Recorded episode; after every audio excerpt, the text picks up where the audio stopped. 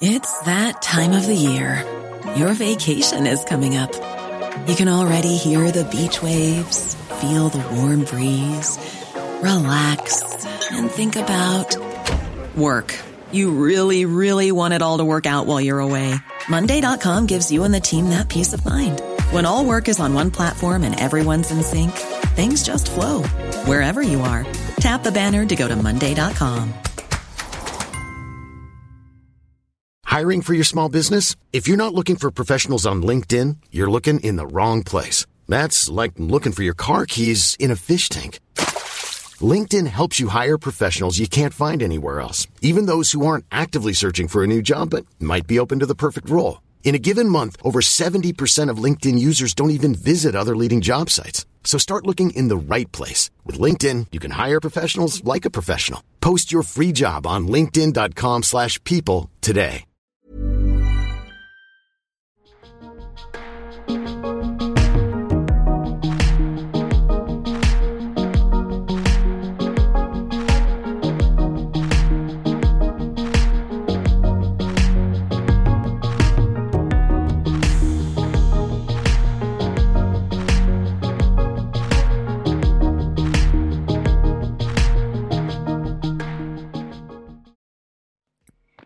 Morgon vaknar Bella med skador som tyder på att hon blivit utsatt för en våldtäkt. Hon minns ingenting. Väl på arbetsplatsen så verkar man medveten om vad som har skett. Lösningen, menar ledningen, är att Bella själv ska lämna sitt jobb. Ni lyssnar på Brottsofferpodden, avsnitt 37. Jag var kollega med våldtäktsmannen. Av Joakim Lindén Kastenbäck och producent Ellen Nilses. Det här är Bellas berättelse. Hej Bella och välkommen till Brottsofferpodden. Tack. Väldigt glad att ha dig med här idag. Ja, jag är väldigt glad att få vara här. Väldigt modigt av dig att komma hit och prata om den här händelsen som Tack. du varit med om. Ja. Så, och, och Ellen, hej till dig också. Hej, ja, idag är jag också med. Precis som förra gången. Men ingen Alfons. Och det kanske är lite skönt. Jag gillar när Alfons är med. Så att det, hundar är fantastiska. Är kul. Verkligen. Men Verkligen. vi ska ju prata om ett väldigt starkt ämne. Mm. Så här, och eh, jag tror det är ett ämne som folk säkert har en klar bild över men kanske inte riktigt förstår vad som händer när man blir uts- utsatt för det. Så här, för att nu har jag gjort en del intervjuer och jag har kollat väldigt mycket på det här och försökt att förstå. Men Mm. det jag börjat inse det är att det är så mycket mer komplex än vad jag någonsin kunnat drömma om att det är. Liksom. Mm. Där och eh, eh, vi ska prata våldtäkt. Ska vi Ja. göra. Så att, och eh, eh, vi behöver kanske inte gå in på detalj exakt vad som har hänt. Så här, eh, men eh, kan du minnas ungefär vad du tänkte och kände när du insåg att vad som hade troligtvis hänt eller hade hänt? Ehm, ja, jag vaknade upp hemma hos eh, mig i min lägenhet eh, och eh, hade inga kläder på mig. Och jag, det var massa blod i min säng och jag hade också blåmärken på mina armar efter handavtryck. Jag minns inte jättemycket av själva händelseförloppet, men det jag minns är ju när vi går in, eller jag går egentligen inte riktigt in i min port, utan jag minns att jag kryper upp för min trappuppgång. Och jag minns att det är en man som är med mig eh, och håller i min handväska och i min datorväska och min, eh, min jacka. Och jag vet att han öppnar min dörr med mina nycklar. Och jag vet att jag hela tiden tänker så här. Vad gör han här? Alltså varför är han här? Men jag får inte ut någonting i min, alltså jag kan inte prata. Eh, och det finns ju egentligen inget rent alltså, bevis, men det är ju med all sannolikhet också efter vad han själv har sagt är ju av att jag blev drogad och så våldtog han mig i min lägenhet. Ja, det låter extremt grovt också. Så här, Mm. jag- Det kanske inte finns någon våldtäkt som inte är grov, det ska inte jag säga. För jag tror att det är hemskt, men när du säger det är blod och, och eh, massa märken på kroppen. Det kan måste varit väldigt chockerande att vakna upp till det där. Eh, ja, det var det. Eh, och det var... Alltså jag var ju under en ganska lång period efteråt, men just själva dagen efter var ju att jag var i extrem chock. Och det jag gjorde var ju att jag bara egentligen gick upp och kräktes. Och sen så satte jag mig i duschen. Eh, och eh, gick sen tillbaks och bara tog alla lakanen och bara gick ut ur sopnedkastet och kastade allting. Du sa lite att eh, du fick en tanke och undrade varför är han här? Var det någon person du kände sedan tidigare eller var det någon du hade varit ute med och det började bli väldigt konstigt? Och han troligtvis hade drogat dig kanske då? Han eh, jobbade på min arbetsplats där jag jobbade då, då eh, vid den tiden eh, och eh, jag visste inte alls vad han hette, kände inte honom. Jag hade sett han på min arbetsplats men jag hade aldrig någonsin pratat med honom. Och jag minns inte att vi under någon gång under kvällen heller hade interagerat med varandra på något sätt. Eh, men eh, vad han sa till mig efteråt, för att det som ledde till efteråt var ju av att han började höra av sig till mig genom att han ringde, började ringa mig på nätterna. Han ringde mig på arbetstid och han började även följa efter mig, alltså på arbetet genom att stå och vänta på mig utanför toaletten eh, och ehm, det var ju väldigt obehagligt. Frågade du han vad som, eh, vad som hade hänt eller bemötte han på något sätt? Ja, men han ville ju väldigt gärna se mig igen och började ju att också hota mig med av att om du inte vill träffa mig igen så kommer jag bara komma hem till dig. Jag vet vad du har för portkod, jag vet var du bor. Uh, och jag sa bara att liksom, jag vill inte. Uh, och, men sen så sa han vid ett tillfälle att uh, ja, men jag har ju haft sex med dig. Och det var ju också då det liksom lite slog mig att eh, fast det har vi ju inte haft, fast jag visste ju att vi hade haft det, men jag mindes ju inte själva händelseförloppet. Alltså jag måste också fråga, för jag har också hört att många människor som hamnar i de här situationerna tänker att jag kommer aldrig hamna i den här situationen. Mm. Så här, jag är stark, jag kommer säga nej, jag puttar bort, jag flyr. Så, och det, hade, kan du känna igen dig någonting i det här? Att det blir om jag inte tänker på att han har gjort det här, så här, jag behöver inte ha någon kontakt, håller bara borta, så kanske inte det har hänt.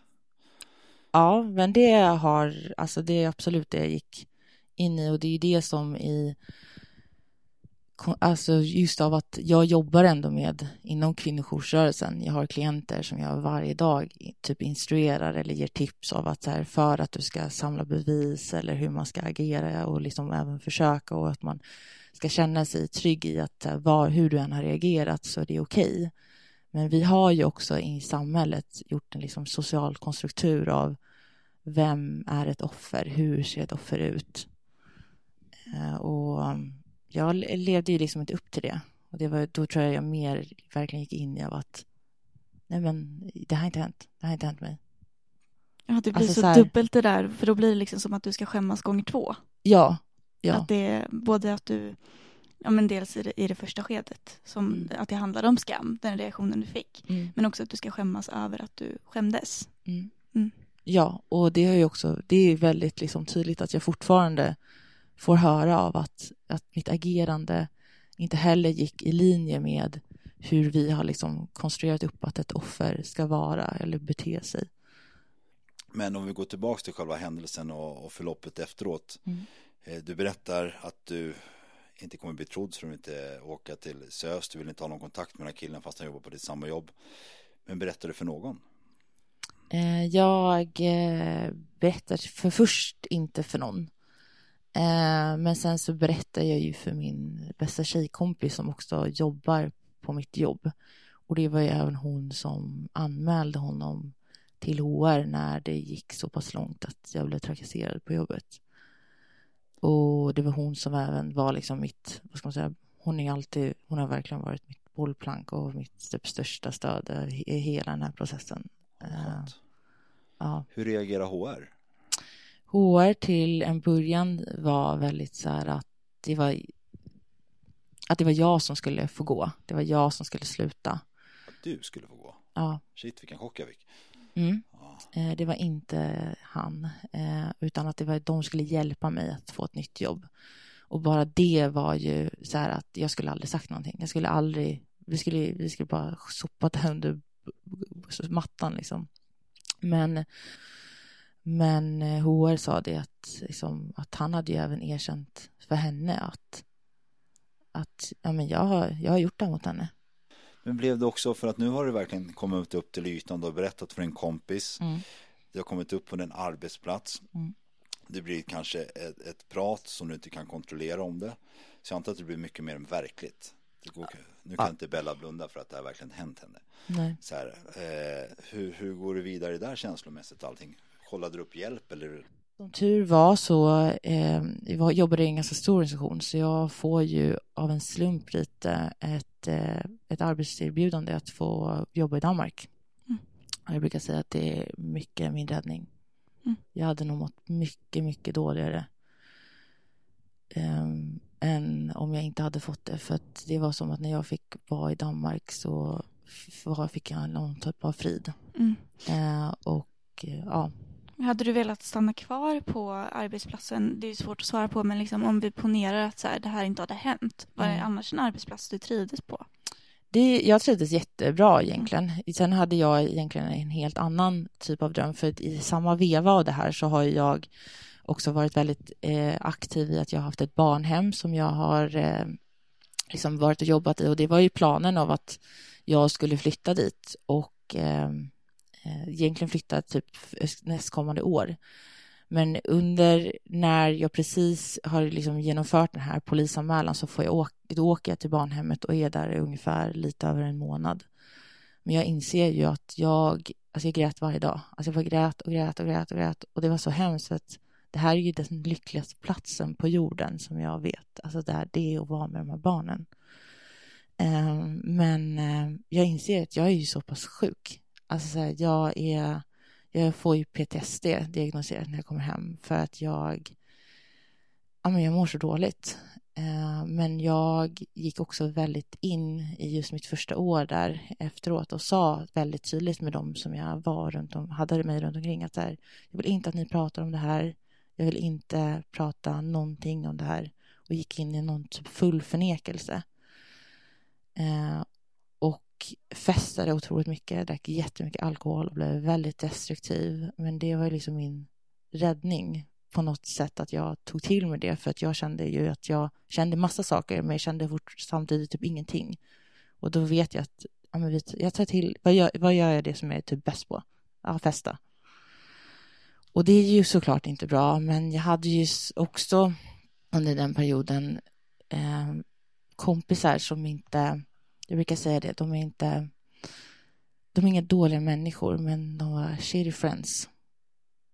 Och det gjorde jävligt ont. Och jag fick också höra väldigt mycket av att så jag betedde mig beter man sig inte när man har blivit våldtagen. Och så som du beter dig bevisar bara att det som har hänt dig kanske inte är sant. Ja, för det är ju, jag har hört att det är väldigt vanligt, jag har insett också när jag har gjort det här ett tag nu att folk som blir utsatta för en våldtäkt mm. eller sexualbrott eh, förlorar ju kontrollen över sin kropp. Mm. Så här. Och eh, för att sen ta tillbaka kontrollen så använder man ofta sin kropp för att kunna styra den. Mm. Eller på något sätt. Ibland genom att eh, kanske ligga med killar eller tjejer eller ibland kanske att eh, använda droger och sånt. Bara mm. på något sätt har man någon slags kontroll. Mm. Så här, det du säger nyss. Ja, prata om. absolut. Eh, alltså det finns verkligen en specifik, så här, vi var på en resa när vi åkte till London. Eh, alltså jag mådde så dåligt. Alltså jag var verkligen i, och jag vet att jag gav ett sken av att så här, jag är superlycklig, jag har kommit underfund, men ehm, eh, det slutade med av att eh, de går ifrån den här nattklubben och jag åker hem till någon helt random och är hög som ett hus och sen när jag kommer tillbaka dagen efter så får jag typ en utskällning av att jag kunde ju ha dött, jag kunde ju, det kunde ha hänt mig något. Och det enda jag kände att var ju så här att, fast jag har ju redan varit utsatt för det värsta. Jag har ju blivit våldtagen. Jag, är, jag har ju på riktigt dött inombords så många gånger under det här året. Och ni vill inte ens lyssna nu och men jag bara kände så att Alltså jag, kände, jag skämdes ju så mycket över att jag hade gjort det, för jag visste ju att det jag hade gjort var ju fel. Samtidigt så var ju också det ett jättestort rop på hjälp av att jag ville bara ha hjälp. Och sen i samma veva så var det också att jag hade den här andra individen som eh, var fruktansvärd mot mig, alltså väldigt, väldigt elak och det ja, var ju var heller in... ingen som tog parti för. Så det var innan det hade kommit fram också? Eh, nej, utan det var liksom när det hade kommit fram och det fortsatte ju upp till ett år ungefär. Okej. Okay. Så att jag blev ju, alltså hade ju den här personen som kontinuerligt sa till mig att jag var ja, men mindre värd och liksom jag får skylla mig själv eller och nu en gång var att jag också fick liksom att jag skulle släppa det här. Nu får du sluta älta din våldtäkt så här. Du kan tycka synd om dig själv och jag var ju så här, men jag har inte sagt någonting. Jag har ju aldrig pratat om det här. Men man ser på det att du mår så jävla dåligt. Du måste sluta ta på offerkoftan. Och jag sa ju det här till mina kompisar och de bara, men ja. Ja, du, de typ höll med? Ja. Ja, men det... Jag undrar varför folk blir så där. Det, jag tror inte någon vill ont, bara att de inte de förstår tror jag. Så, här. så önskar jag.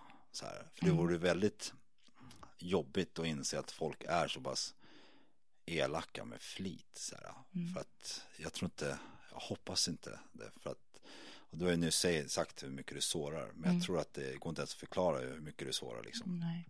Men jag tror det ligger mycket någonting i det. Alltså bara det om förra året så eh, när jag kom hem från Thailand, det här är ju väldigt långt fram egentligen i, berättelsen, men av att jag fick ju ett, eh, jag ramlade ihop hemma hos mina föräldrar, vi var ute och gick och eh, mitt hjärta typ slutar slå för att jag får så här stress, alltså jag har så, haft sån svår stress under så många år. Så jag får åka akut ambulans in och min mamma när ambulansen kommer så har min mamma i efterhand berättat så här, jag på riktigt trodde att du skulle dö. Och hon bara efter det så förstår jag, för läkaren sa så här, men den här stressen som jag har varit utsatt för under så lång tid, i så många år, det är ingen människa som ska klara det. Och då vet jag att min mamma sa så här att jag fattar nu hur illa det har varit. Jag förstår nu hur illa du mår. Och det är fortfarande så att, så till mina syskon, det är ingen som förstår hur, alltså hur dåligt jag har mått, men också fortfarande mår. För jag säger det att det här är en, livs, alltså det här är en livslång kamp som jag dagligen jobbar med. Det är bara att idag har jag ändå kommit så pass långt att jag, men jag går upp på morgonen, jag går till jobbet, eh, så. Men har det också hänt att folk har kommit och typ precis i början, eller typ de närmsta åren strax efter, typ kommer någon så här tycka synd om grej också som kan slå ut fel. Så här, det är så synd om dig. Så. Ja, jo men det har jag varit med om, men det skulle jag mer säga att jag har varit i när man har liksom varit i typ någon relation. Att det har varit eh, att det har kommit så här att man är nästan som en porslinsdocka, man vågar inte ta i mig för att, men det är också för att jag har jättesvårt att, att någon tar i mig om jag inte ser. Jag blir jätterädd och jag tycker att det är också väldigt jobbigt att sova med folk för att jag tycker att det är obehagligt. Jag börjar direkt utveckla att jag börjar drömma mardrömmar och det är egentligen helt galet tycker jag själv av att jag menar det är sex år sedan. Ska inte det här någonsin sluta men jag tror inte det. Men jag måste också undra, eh, för du nämnde den här psykologen du gick till mm. tio gånger mm. bästa psykologen i världen typ. Mm. vad var det som gjorde henne så bra, eller henne, honom? Eh, henne, eh, hon, eh, hon lyssnade på mig på ett sätt men även var väldigt, väldigt uppmärksam ganska snabbt. För jag berättade ju också väldigt mycket om min situation runt omkring. Om eh, den här eh, personen som också, eh, som jag hade om mig som inte behandlade mig väl. Och där och då när hon sa det till mig så var jag så här, nej men vad säger du, det här är ju mina kompisar. Och hon bara, fast så här beter man inte sig mot en kompis. De behandlar dig jävligt illa. Och hon bara, jag fattar att du kanske aldrig någonsin kommer vilja komma tillbaka hit. Eh, men jag gick hos henne, jag betalade ju egen ficka efteråt. Det gick i henne nästan två års tid. Och vi har fortfarande kontakt. Vi brukar fortfarande höras. Jag har gått hos henne i omgångar liksom. Ja, vad skönt. Mm trist att du ska behöva betala för det men ändå skönt ja. att du känner att det finns en sån trygg punkt i ditt liv. Mm, ja. ja, jag har en mapp hemma med alla så konkret vad jag har betalat under hela den här processen för min, eh, för min liksom behandling, eller alla behandlingar jag har gjort. Och den summan är jävligt hög. Apropå summor, så här, blev det någon eh, polisanmälan? Eh, ja, vi gjorde en polisanmälan eh, och eh, jag fick ett eh, målsägande beträde. Jag valde en som jag också kände, så det kändes väldigt tryggt. Eh, men jag, i, min, i mitt fall så fick jag också väldigt otur med en polis som inte alls var bra. Eh, var ny på jobbet, hade inte jättehög kunskap om liksom, hur man kanske skulle bemött mig. Och för jag var väldigt ärlig och öppen med att jag vet hur ett polisförhör funkar, jag vet ungefär, eller jag vet, jag har suttit med förut när jag har haft mina klienter. Men det blir ändå så verkligen så nytt för att nu handlar det ju om mig. Eh, och eh, eh, nej, nej, det var inte alls, jag var inte alls nöjd. Jag ångrar lite att jag inte läxanmälde henne efterhand. Du fick ingen förtroende alls för den här polisen? Nej, och det var mer av att, för att, som ett exempel var när vi går in i det här förhöret så sitter det två stycken, bara den som är tilldelad och sen en annan. Och, och då inleder den här andra personen med att säga så här att jag kan inte vara kvar så länge för att jag måste gå den här tiden för jag ska hämta mitt barn på dagis. Och bara där så kände jag så här att jag förstår att du kanske behöver det men det är fel tillfälle att säga det. Ja, verkligen. Um, ja. Men hur långt gick utredningen? Uh, den gick, uh, de hade ganska mycket bevis uh, och hade ju, de tog in datorn från jobbet, telefon, allting, men hon gick inte igenom det. Hon hade inte tid. Det blir så här irriterande när jag hör det liksom. Mm. Här, ja, när, jag, när jag antar att du redan slår på dig själv så pass mycket. Mm. Och det finns saker inom dig säkert som gör saker med din hjärna som du inte kan förklara heller liksom. Nej. Så det är tråkigt. Det är ju Mm. jättetråkigt att fel personer verkligen är på fel plats. Ja. och när jag fick hem beslutet, eller jo, det egentligen innan var ju att hon också börjar förhöret med att prata med min målsägande beträde och säger så här, det har väl berättat för din klient att hon har eventuellt rätt för sveda och verkpengar. Och jag är också medveten om det, för jag vet ju att man kan ha rätt till det. Men det blev också så väldigt påtagligt av att vi sitter och pratar om att jag har rätt till en summa när jag har fått mitt liv förstört. Mitt liksom, mitt, jag brukar säga så här, jag dog ju den dagen när det hände. Jag dog inombords. Det är bara det att jag har fått hitta mig själv igen, en ny version av mig själv. Och den vägen är lång den vägen är inte slut än, men den har ändå kommit ganska långt idag. Tog de in honom på förhör? Ja. Och de hade telefon, de hade dator. Mm. Men det räckte inte. Nej, de, eh, det räckte inte. Och det var jag ju ganska inställd med. För att jag hade ju slängt mycket bevis. Jag hade ju slängt mina strumpbyxor, mina trosor, lakanen. Ehm, så, och hade jag jag hade heller inte tagit kort på blåmärkena så att eh... ja, De hade inte jättemycket att gå på men Nej, det är ju ord mot ord alltså. och det vet vi ju rent statistiskt att eh, ja, att man, det är inte många domar som går upp i, eh, i, i eh, som det blir någonting av liksom.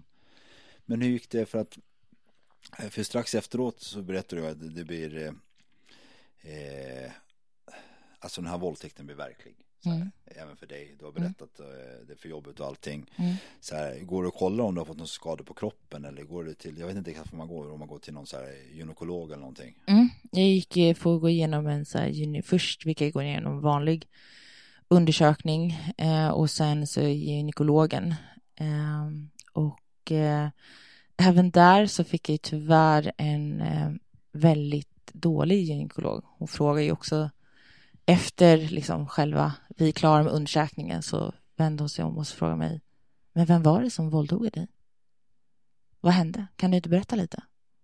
Och jag känner rent också så här, men vad spelar det för roll? Måste du veta det? Måste du fråga mig om de här sakerna? Eh, men hon var ju också, för jag blev ju våldtagen ungefär tio månader innan metoo och då två veckor efter metoo liksom hade slagit ut så vet jag att jag, så hade jag ett besök hos henne, ett uppföljningsmöte, eller för jag hade ju skador i mitt underliv. Eh, och hon frågar mig när jag ligger i gynstolen gråtandes och frågar hur jag hanterat metoo. Ja, det, känns all, det känns så surrealistiskt med det här och polisen och mm. ja, det känns som att startblocket bara hamnar längre och längre bak för att starta om liksom. Så här, ja, ja. Eller av att när vi satt där och hon bara, ja vi måste ju ta ett gravtest också. Ett gravtest? Ja. Eller att jag fick eh, Hade ta... du någonsin tänkt på det innan att, att du kunde kanske bli gravid av det här? Nej, alltså det var, det var också hemskt för att hon sköterskan som i sin tur som jag fick kissa hos, hon var ju också gravid. Vilket hon såklart inte kan hjälpa, men det var så här, här sitter jag och har varit med om det värsta tänkbara och där står du med mage och jag ska sitta och ta ett prov av att kanske också vara gravid. Alltså vi pratar om att det finns ett barn eventuellt i min mage, vilket är också helt sinnessjukt. Eller av att jag också fick ta prover för att om jag hade HIV eller andra liksom, könssjukdomar och det var också så här, alltså jag kände mig så smutsig. Ja, till svaren kommer måste det också vara extremt ja. frestande och nervöst. Ja, alltså en känsla som jag vet att jag tänkte väldigt mycket under liksom hela den här processen var ju att jag tänkte att jag varje dag när jag vaknade upp så hade jag så tre grejer av att jag måste göra de här idag och det är att jag går upp, duschar, jag måste gå en promenad. Sen om det är 500 meter eller 2 kilometer, det, det är skitsamma, jag måste gå, jag måste gå ut. Och jag måste äta, för att en grej som är att när jag mår dåligt, då slutar jag äta. Eh, och eh, i den här då så, eh, ja, att, eh, gud nu tappar jag bort mig lite, men att eh, jag hade den och vi, eh, eh, vad, vad, var vi, vi pratade om eh, eh, sjukdomar. Eh, ja, att, jo, jag, jo, det jag kände eh, så kontinuerligt varje dag var ju att jag, även fast jag hade de här tre målen, så vet jag att jag hade en sån här instinktiv känsla i mig att jag kommer dö. Alltså jag kommer dö för att jag orkar inte mer. Alltså jag orkar inte alla de här frågorna, jag orkar inte de här svaren. Och jag kände så att jag, jag kommer på riktigt, min kropp kommer inte klara mer. Jag kommer bara, jag kommer ramla ner och dö. Och jag brukar säga, jag har aldrig någonsin någonstans känt att jag har varit självmordsbenägen, men jag kände väldigt starkt att jag var, att jag kommer dö. För att jag inte klarar mer. Alltså hur långt efter händelsen var det här? Vi kanske är inne i um, sommaren, så 2017, sommar 2017. Då, då hade han fått gå från jobbet och mm, polisgrejen hade varit och... Ja, precis. Och jag eh, precis ska börja få mitt nya jobb i, eh, i Danmark. Okay. Så jag ska precis flytta till eh, hösten, blir det. Augusti flyttade jag. Hur, eh, Kommer det någon vändning eller fortsätter det så här ett tag till? Det fortsätter. beteende och... Ja, det fortsätter eh, egentligen nästan ett år till. Eh, och då är jag fortfarande, eh, bor mer eller mindre i Danmark men är hemma i Sverige när det är liksom läkarundersökningar eller med ja, med juristen eller ja, vad det var. Eh, så det pågick ganska länge. Men sen så bestämde jag mig att nu måste jag typ ta tag i mitt liv. Eh, och eh, det började eskalera ännu mer liksom med de som jag hade liksom nära mig. Och jag kände att jag kan inte flytta hem till Sverige. Så då bestämde jag mig att jag ska flytta till Thailand.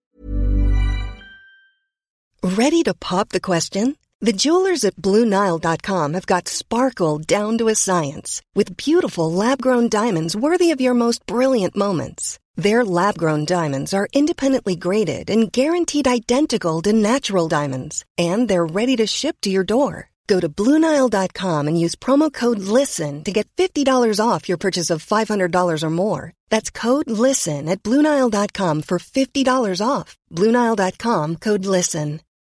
Since 2013, Bombas has donated over 100 million socks, underwear, and t shirts to those facing homelessness If we counted those on air, this ad would last over 1,157 days. But if we counted the time it takes to make a donation possible, it would take just a few clicks. Because every time you make a purchase, Bombas donates an item to someone who needs it. Go to bombas.com slash ACAST and use code ACAST for 20% off your first purchase. That's bombas.com slash ACAST, code ACAST. Jag undrar en sak och det um, Du sitter ju och resonerar väldigt klokt kring olika liksom, beteenden och olika Mm. beslut du har tagit. Att Mm. det mycket berodde på den här traumahändelsen, Mm. övergreppet som du var med om. Mm. Var du medveten om det då? När du väl liksom, men när du väl flydde med hjälp av, eh, med hjälp av liksom alkohol eller att festa eller att liksom Mm. Visste du då att, att, du, att det var på grund av det du hade varit med om eller är det liksom en analys du har gjort i efterhand?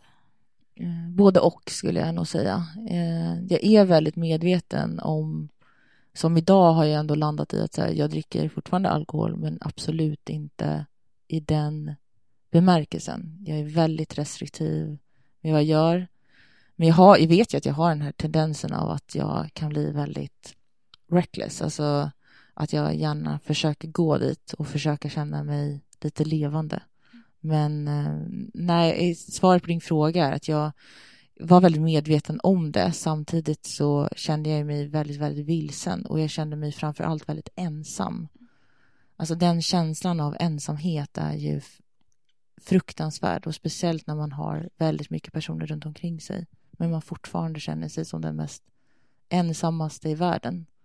Men samtidigt så vet jag ju att jag kände mig jag är ändå väldigt tacksam över metoo för det var ju då jag började då började jag typ sluta sova. Jag låg ju bara hela nätterna och bara låg och läste berättelser. Bara för att inte känna mig... En, alltså för jag kände att jag inte var så ensam helt plötsligt. Upplevde du det som, som hjälpsamt när det hela liksom blossade upp? Ja, det gjorde det. Samtidigt så var det ju fruktansvärt för helt plötsligt så var ju också min arbetsplats någon typ av domstol. För nu stod ju mina arbetskollegor och pratade om vem är ett trovärdigt offer. Så jag minns ju också att jag gick och grät varje dag på toaletten. Och bara så här satt så här, som typ i en film och bara grina och bara så här. Tänk om de visste eh, vad jag har liksom varit med om.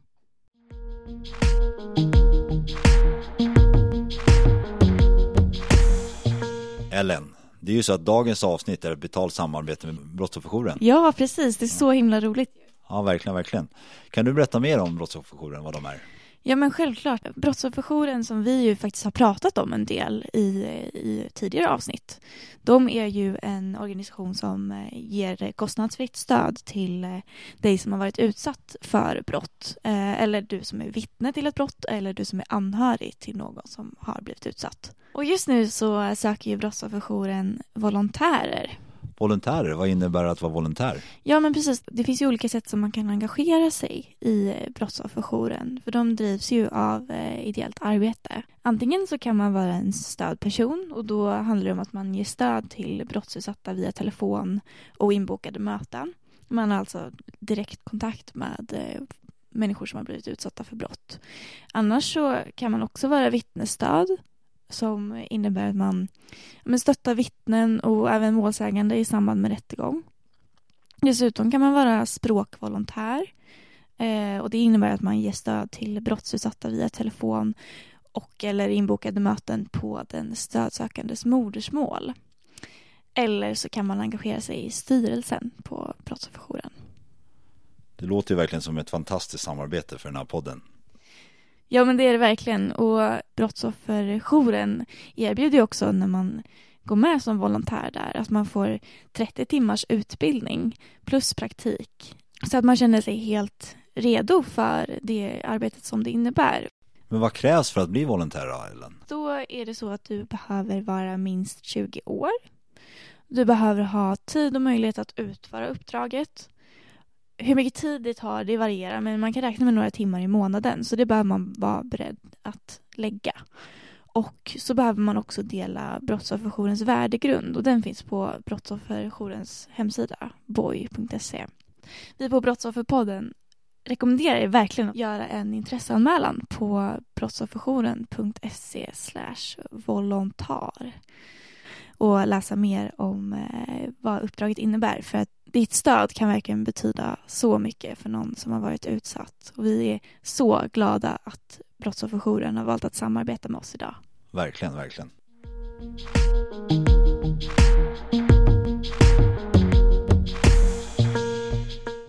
Eh, men om vi går tillbaka till det här med metoo. Ja. Du, du berättar att du sitter och scrollar på kvällarna och Mm. känner någon, eh, någon tröst i att du inte är ensam. Mm.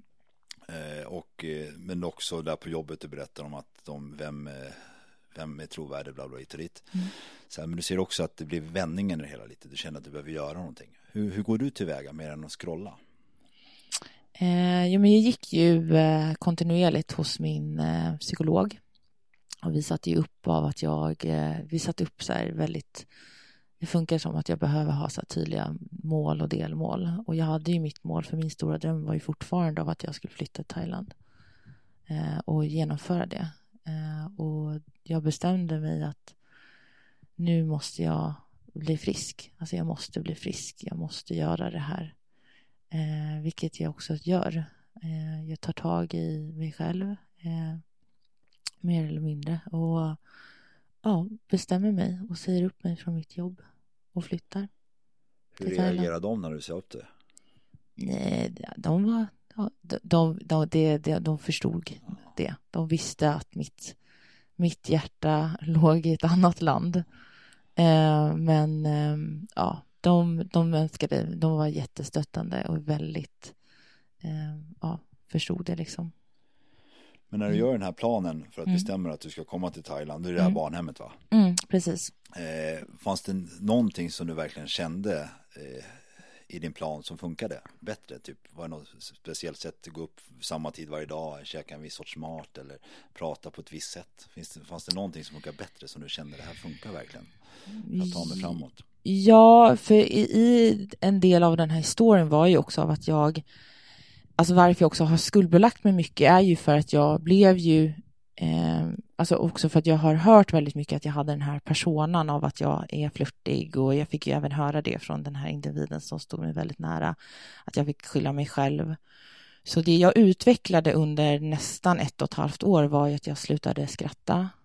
Och det är så här, känner man mig så vet man att är det någonting jag typ alltid, som folk säger om mig, så här, har du hört Bella skratta? Alltså det är man verkligen skrattar med henne. Och jag slutade. Jag slutade, det sa jag med min mamma så här, du skrattar aldrig längre.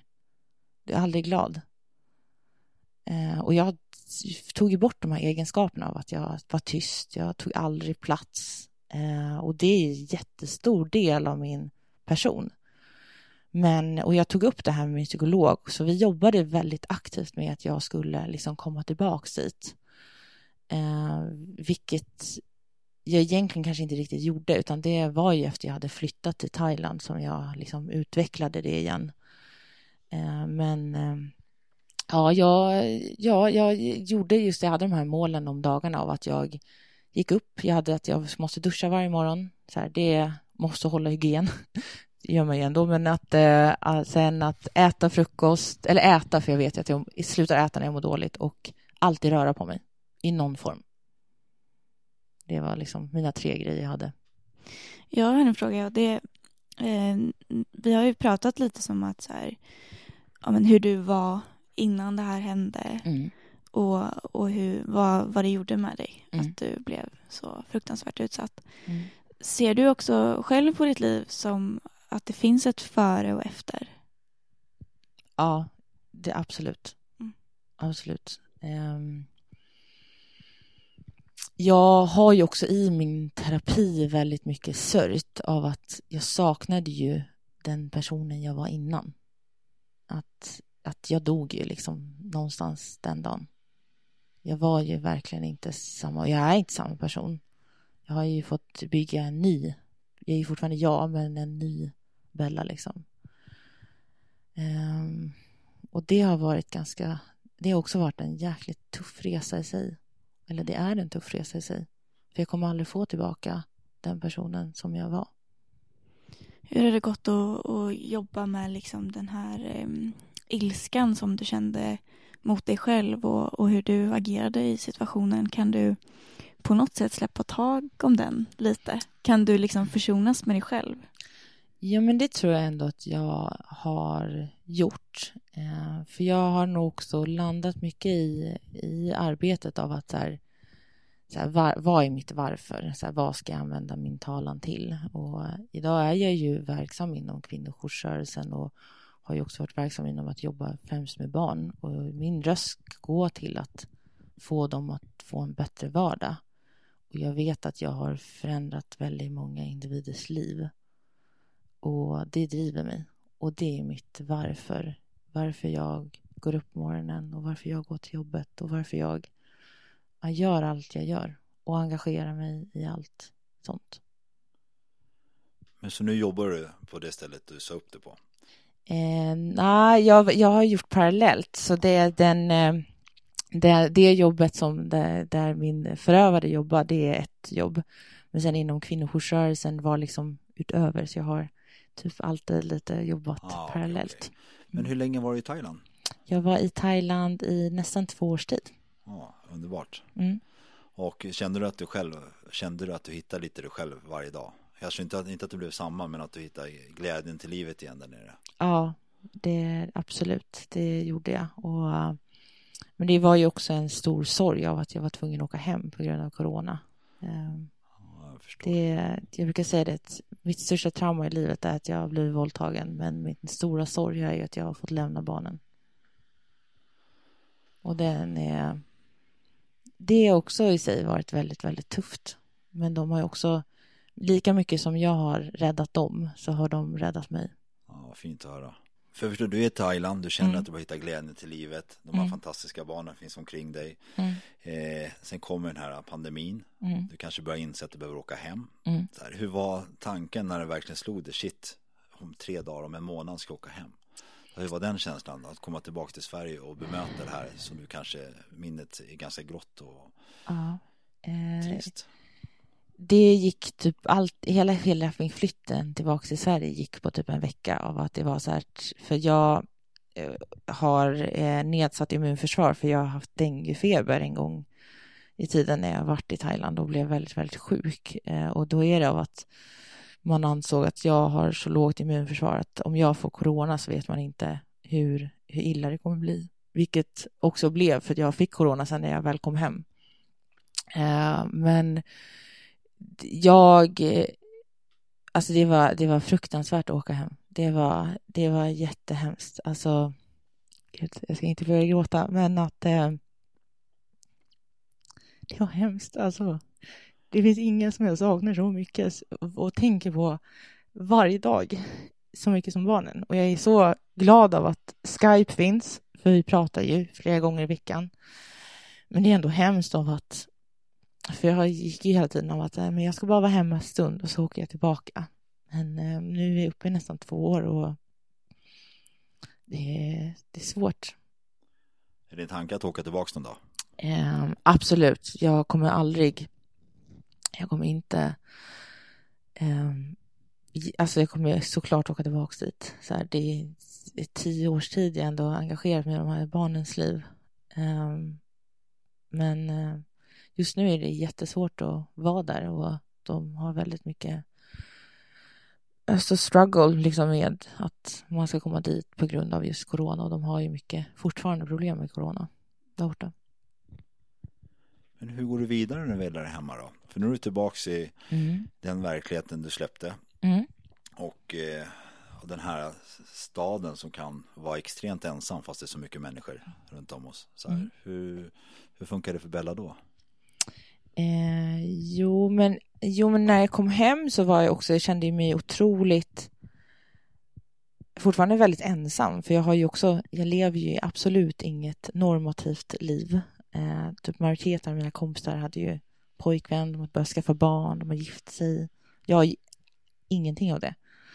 Men jag har också landat väldigt mycket i att ja, det är nog ingenting för mig. För min, mitt, vad jag ska göra i livet är att eh, engagera mig och eh, få andra människor att få ett liv. Eh, men eh, jag har också hittat fantastiska nya vänner som är, har en vänskapskultur som är betydligt bättre än de innan. Och jag umgås väldigt mycket med kompisar. Tränar. Ja, men jobbar också extremt mycket. Men jag tycker ju att min arbetsplats är ju min fristad. Alltså det är där jag mår allra, allra bäst. Ja, skönt att du ser, ja, ser de där bitarna. Mm. Här, men det här, jag måste också fråga, förövaren, Mm. här, har du stött på han igen sen du kom tillbaka eller har era vägar korsats på något sätt? Har han försökt höra av sig? Nej, eh, ingenting. Ehm, eh, jag såg av en slump att han hängdes ut på det här äh, kontot. det var ett Instagramkonto när man hängde ut olika förövare. Och då eh, hade personen bytt namn eh, och såg väl otroligt glad ut på bilden. Eh, men eh, jag såg den eh, av en slump. Jag var och käkade typ lunch med min syrra tror jag det var. Alltså jag, jag var spyfärdig när jag såg honom. Alltså jag verkligen så jag kommer kräkas. Och min syrra bara, du är helt grön i ansiktet, typ blek. Jag bara, hon bara, hur mår du? Jag bara, och så sa jag vad som hänt och hon bara, ja, så det är sjukt att det ändå är så fortfarande så påtagligt av, även fast det har liksom gått så lång tid. Tror du på att det finns förlåtelse? Nej, alltså man, jag kan förlåta, alltså det är klart jag kan förlåta. Men min stora, men jag tror inte av att han skulle ge mig en ursäkt för att han har ändå gjort sin handling. Och jag menar om, så här, man kan, man kan be om ursäkt till vem som helst, var som helst. Men att den betyder någonting, det är något helt annat. Och jag är liksom inte ut, ute efter det, utan för mig är det mer viktigt att att jag ska få ett liv. Eh, och för att om jag inte har det, då har väl han ändå vunnit. Om man nu säger att det är en tävling. Ja, jag förstår. Har du förlåtit dig själv för att du kastar lakarna? För att du kanske inte gjorde det du känner idag att du borde ha gjort? Ja, men det tror jag att jag har. Men jag, det är klart att jag fortfarande tänker på det. Och det är väl det som är en del av varför det kommer vara livs... Alltså, det är för livet liksom. Det här är, det är någonting som kommer vara med mig hela livet ut. På ett eller annat sätt. Jag undrar över en sak. Mm. Eh, det kanske kan vara svårt att liksom formulera. Mm. Eh, men nu pratar vi om så här olika stöd man kan få och så Mm. efter att man har varit utsatt för någonting. Mm. Om du fick säga någonting till dig själv Mm. för sex år sedan Mm. efter du hade blivit utsatt för övergreppet. Vad, vad hade du velat säga? Jag hade velat säga att eh, det som har hänt har hänt och att de tror på mig. Att jag är trovärdig och att jag har ingenting att jag ska inte ansvara över någon annans handling mot mig. Ehm, för det är oftast någonting som jag vet att jag säger till mina klienter att det som ni har blivit utsatta för ska ni aldrig någonsin ansvara över. Sen att vi i sam, vissa i samhället, i myndigheter eller personer väljer att ändå lägga skulden på dig. Det, det betyder bara, det är bara, det är inte, det är inte rätt. Det ligger på dem. Exakt. Liksom. Det, skulden är alltid hos den Ja. som begår. Det här är ju Brottsofferpodden. Mm. Så här, ordet brottsoffer Mm. är ju ett, eh, ett väldigt starkt ord Mm. som har eh, nog väldigt många olika eh, betydelser. Så här, och, men när man lyssnar på det, brottsoffer, så är det, då är det bara två ord. Vad säger du när du hör ordet offer? Så här, Mm. typ. Jag har ju aldrig, det var också en del i den här alltså processen att jag hade jättesvårt att erkänna för mig själv av att jag hade blivit utsatt men också att jag skulle identifiera mig med en- det här offret. Men eh, som min kompis som jag pratade med igår då, hon sa det så himla bra att man ska komma ihåg att det är ingen som är ett offer utan det är bara en social konstruktion som vi har kommit på och satt att en box att det är de här sakerna man ska ticka i för att vara det. För någonstans om jag ska vara riktigt krass så är ju, jag har ju aldrig riktigt varit det för att jag har ju hela tiden hört att jag har ju aldrig uppnått något av de här kriterierna. Jag har ju aldrig, men jag är, vi är inte några offer. Vi är utsatta för brott. Ja. Eh, och det, det är det vi är. när jag startade den här podden var ju Mm. det en av grejerna. Att Mm. typ på något sätt förstå att ordet offer är ett ord, precis som hamburgare är ett ord. Mm. Sen har vi eh, satt offer tillsammans, precis som du sa alldeles Mm. nyss, så här att aha, då är det en svagare människa, den kan inte stå upp för sig själv, bla bla bla bla bla. Mm. bla. Men ett, ett offer har råkat ut för en människa som uppenbarligen inte är balanserad liksom. Nej. och bara haft ren och skär otur. Så, och, och i ditt fall och i mångas fall följer med dem för resten av livet sen. Liksom. Så. Mm. Men exakt, man är men sen vet jag väldigt många som kanske tycker om att sätta sig som ett offer på något sätt att det blir kanske skönare att hamna i ett fack. Jag vet inte, jag har träffat sådana människor också. Så här, jag är ett brottsoffer, låt mig vara ett brottsoffer. Så här, för att för de kanske vill kryssa i de där grejerna och vara där för det blir- en slags trygghet. Så här, eh, men man ska vara försiktig att självömka kan vara farligt liksom. Absolut. Eh, Och det är väl det som jag också, typ lite varför jag kände att jag också ville ställa upp var ju av att jag vill också ge en bild av att, eh, ja men en annan bild av att jag också så här, jag, alltså, har, jag jobbar liksom inom den här verksamheten. Jag vet exakt hur de här sakerna går till. Ändå så agerade jag inte exakt det jag säger till mina klienter eller ger tips till när man ringer in till oss och frågar så att jag blir utsatt, vad ska jag göra? Jo, det första man ger är ju att samla bevisen. Åk till polisstationen. Alltså, skriv ner det som har hänt. Vad gjorde jag? Jag gjorde exakt allt tvärtom. Och det är väl lite det jag vill ge av att det finns liksom ingen... Det finns verkligen ingen bild av vem som kan bli utsatt. Och jag skulle också säga, skulle jag visa en bild på honom skulle jag också säga så här, va? Är det han? Alltså för att han heller inte uppnår de här kriterierna som vi har målat upp, att man ser ut eller agerar på ett visst Mm. sätt. Precis. Mm. Nej, men jag tänker, nu har ju jag bara varit med på, på ja, vad är det, tre eller fyra intervjuer som vi har gjort tillsammans. Men vi har ju, eh, vi har ju mött brottsoffer eh, som är, alla är olika och Mm. det är ju ingen som egentligen är så att säga liksom det perfekta offret. För det existerar ju inte. Jag menar en, en människa är ju eh, så mycket mer mångfacetterad och det är ju aldrig så att man bara kan vara ett offer liksom. Så det är så viktigt det du säger tycker jag att så här, att, att du som har mött så många olika offer liksom på pappret in, fortfarande inte har någon tydlig bild av hur ett offer ser ut eller hur ett offer agerar för att den stereotypen av, eh, av ett brottsoffer den existerar inte i verkligheten. Mm. Ja, alltså vi måste döda den här bilden vi har eh, om hur man ska agera. Alltså så här, för jag menar, tittar man rent, alltså vi kan ju bara dra paralleller. Vi tittar, vi har otroligt mycket serier där vi typ gottar oss i här, när folk har blivit typ slutshameade och vi är helt fine med det. Alltså jag kan typ bara ta som en, eller att, att folk i öppen media blir, alltså nu verkligen så här sidospår med typ Kim Kardashian. Alltså hon på riktigt blir hotad av sin exman öppet i media. Han hotar henne och hennes nya kille i media.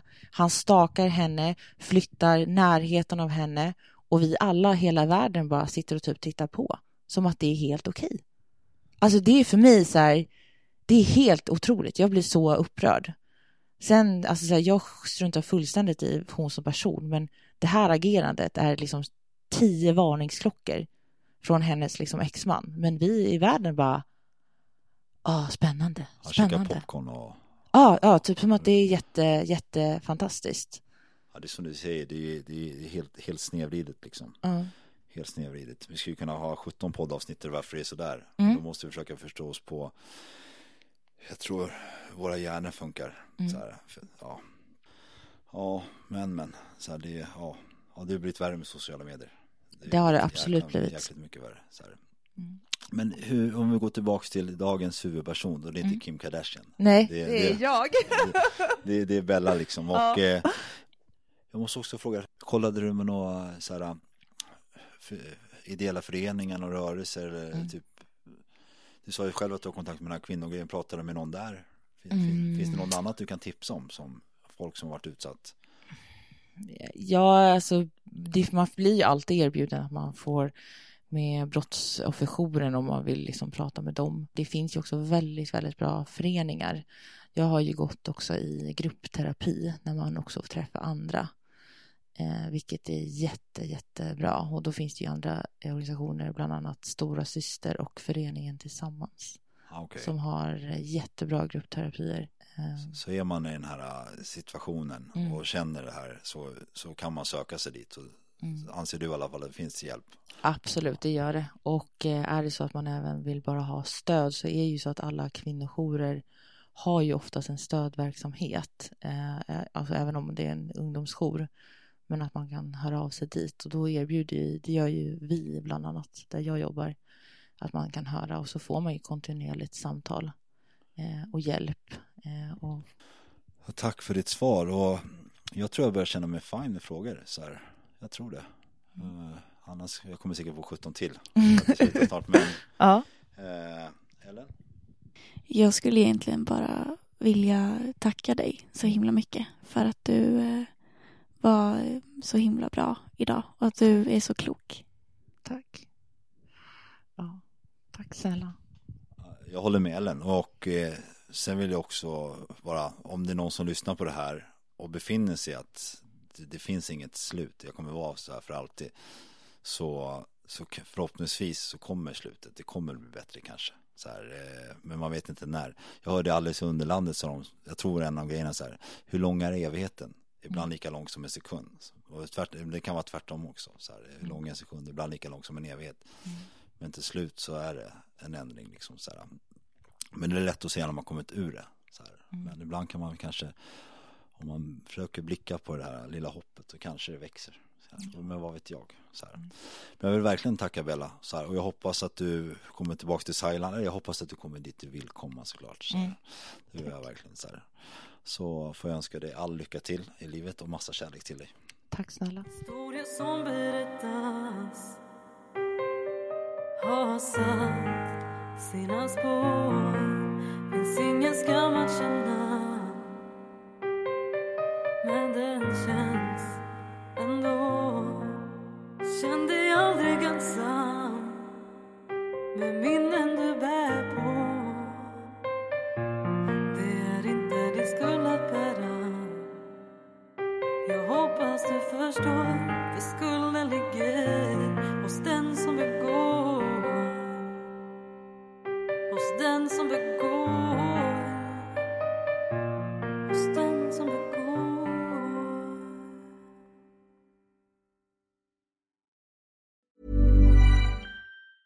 A lot can happen in the next three years. Like a chatbot may be your new best friend. But what won't change? Needing health insurance. United Healthcare Tri Term Medical Plans are available for these changing times. Underwritten by Golden Rule Insurance Company, they offer budget friendly, flexible coverage for people who are in between jobs or missed open enrollment. The plans last nearly three years in some states, with access to a nationwide network of doctors and hospitals. So, for whatever tomorrow brings, United Healthcare Tri Term Medical Plans may be for you. Learn more at uh1.com. Imagine the softest sheets you've ever felt. Now, imagine them getting even softer over time. That's what you'll feel with Bowl and Branch's organic cotton sheets. In a recent customer survey, 96% replied that Bowl and Branch sheets get softer with every wash. Start getting your best night's sleep in these sheets that get softer and softer for years to come. Try their sheets with a 30-night guarantee. Plus, get 15% off your first order at bowlandbranch.com. Code BUTTERY. Exclusions apply. See site for details.